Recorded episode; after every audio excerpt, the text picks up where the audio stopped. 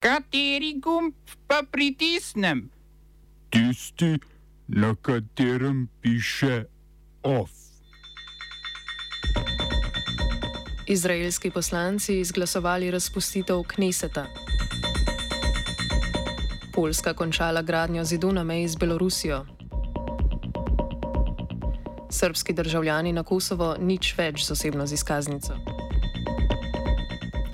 Direktor NJZ Milan Krik svetu zavoda poslal odstopno izjavo. V kulturnih novicah z glavo skozi zid.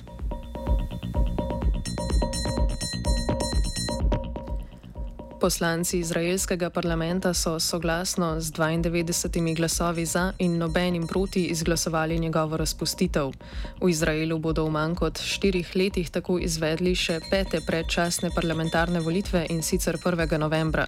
Po odstopu premijeja Naftalija Beneta, ki se bo v zgodovino zapisal po najkrajšem stažu na tem položaju, trajal je nekaj več kot leto dni, bo tekoče posle prevzel Jair Lapid, sedajni zunani minister, ki bi po koalicijskem sporazumu moral zamenjati Beneta na polovici mandata. Lapid bo svojo stranko Jež Atit, najverjetnejši tekmec Likuda, nekdanjega premijeja Benjamina Netanjahuja, medtem ko je Benet napovedal, da na volitvah ne bo kandidiral. Stranko Jamina, ki jo trenutno vodi, bo prevzela notranja ministrica Ayelet Shaket. Razpad vlade je povzročilo neuspešno podaljšanje izrednega zakona, ki na območju okupiranega Zahodnega brega omogoča diskriminatorno obravnavo palestincev. Za nje namreč veljajo vojaški zakoni, medtem ko se za jude, ki živijo v nezakonitih naselbinah, uporablja civilno pravo. Veljavnost zakona je z razpustom Kneseta avtomatično podaljšana do oblikovanja nove vlade.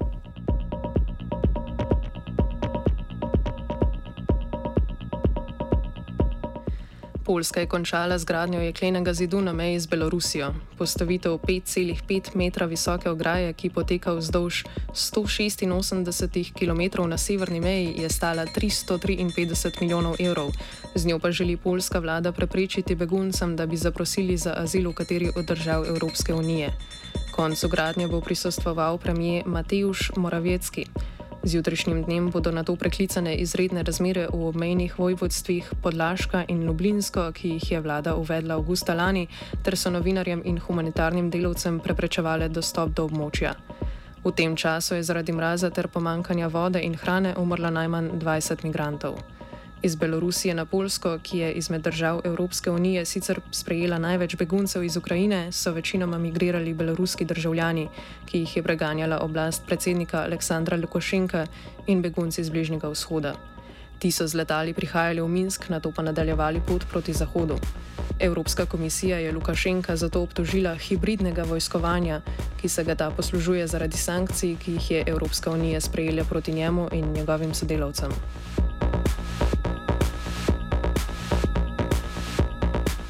V prestolnici Filipinov, Manili, je zaprisegal nov predsednik Ferdinand Bongbong Marcos Mlajši, sin filipinskega kleptokratskega diktatorja Ferdinanda Marcosa, ki je državi vladal med letoma 1965 in 1986.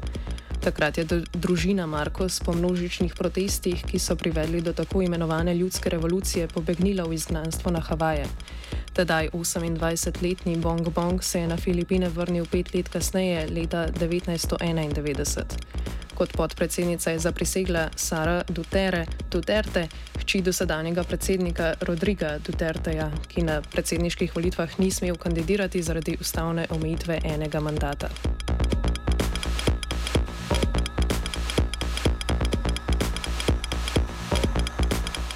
Malijska vojaška vlada polkovnika Asimija Gojte je zavrnila poziv Varnostnega sveta Združenih narodov naj tako zvanim mirovnikom omogoči svobodno preiskavo zlorab človekovih pravic. K temu je Varnostni svet pozval ob 12-mesečnem podaljšanju devetletne mirovne misije Organizacije Združenih narodov, ki v Maliju poteka od leta 2013 pod kratico MINUSMA. Odločitev je bila na varnostnem svetu sprejeta s 13 glasovi za in dvema, ruskim in kitajskim, vzdržanima. Po državnem udaru avgusta 2020 so se odnosi Malija z nekdanjo kolonizatorko Francijo, ki je februarja napovedala umik svojih vojakov, poslabšali. Vpliv v državi pa krepi Rusija, tudi s paravojaško družbo Wagner, katere plačanci se na severu Malija borijo proti islamističnim milicam.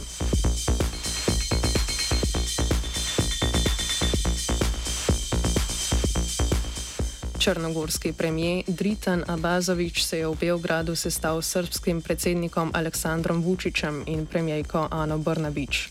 To je Abazovičev prvi uradni obisk, med, potem ko je aprila nastopil funkcijo po potrditvi manjšinske vlade.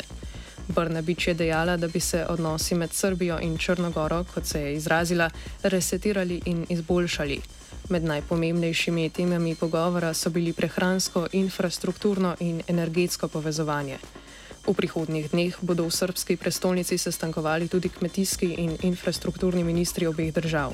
Abazovič se bo danes sešel še s patriarhom Srpske pravoslavne cerkve Porfirijem.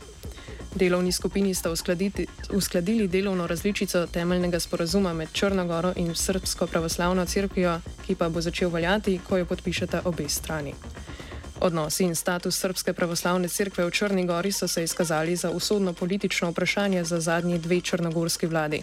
Tema pogovorov je bil tudi Svetozar Marovič, zadnji predsednik nekdanje države Srbije in Črne Gore, ki so ga oblasti v Črni Gori leta 2015 aretirale zaradi korupcije v zvezi z gradbenimi posli. Marovič je leta 2017 po priznanju krivde pobegnil v Srbijo, ki ga ni pripravljena izročiti.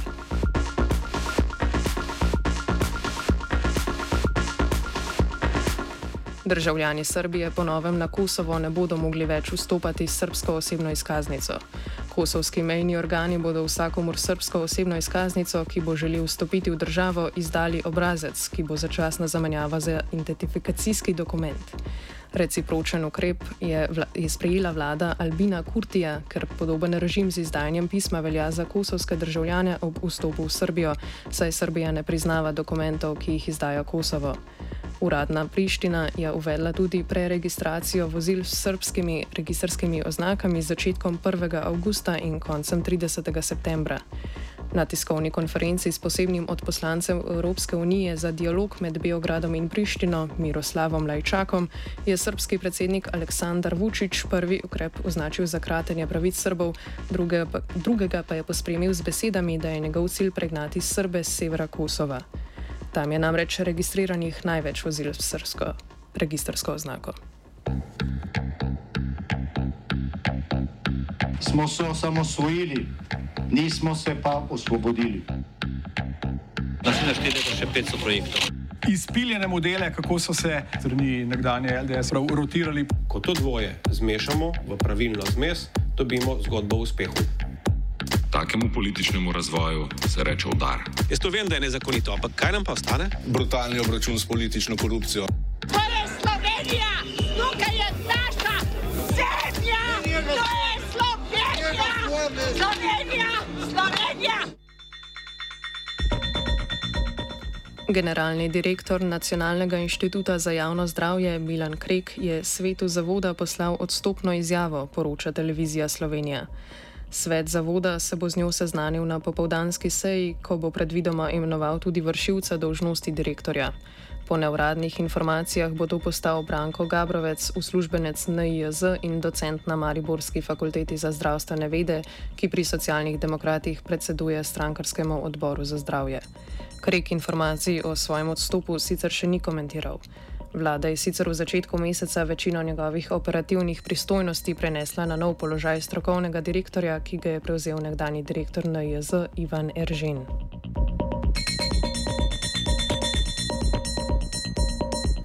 Vlada kadruje tudi v svetu Onkološkega inštituta Ljubljana. Na prvi seji pomenjavi predstavnikov vlade je bil za novega predsednika izvoljen nekdani generalni direktor Ljubljanskega UKC-ja ter nekdani zdravstveni minister in svetovalec trenutnega zdravstvenega ministra Daniela Bišiča Loredana Aleš Šabeder. Domu sindikatov je potekala tiskovna konferenca Sindikata delavcev trgovine Slovenije in Sindikata Tuš Slovenije. Na njej so predstavili nezadovoljstvo delavk in delavcev v dejavnosti trgovine, kar so v Energotušu preverili s peticijo.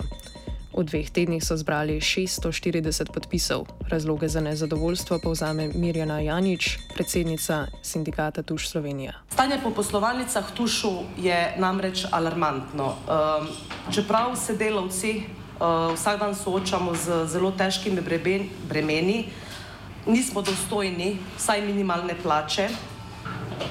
Kaj šele, da bi se dvigala v skladu z višanjem osnovnih življenjskih potreb. Eh, zaradi preniskega števila zaposlenih uh, so, kako ne rečem, je vse več in več obremenjenosti um, in tudi ljudje, v bistvu delavci, ne morejo hoditi na malce, saj morajo opraviti vse naloge, ki jih naloži delodajalec.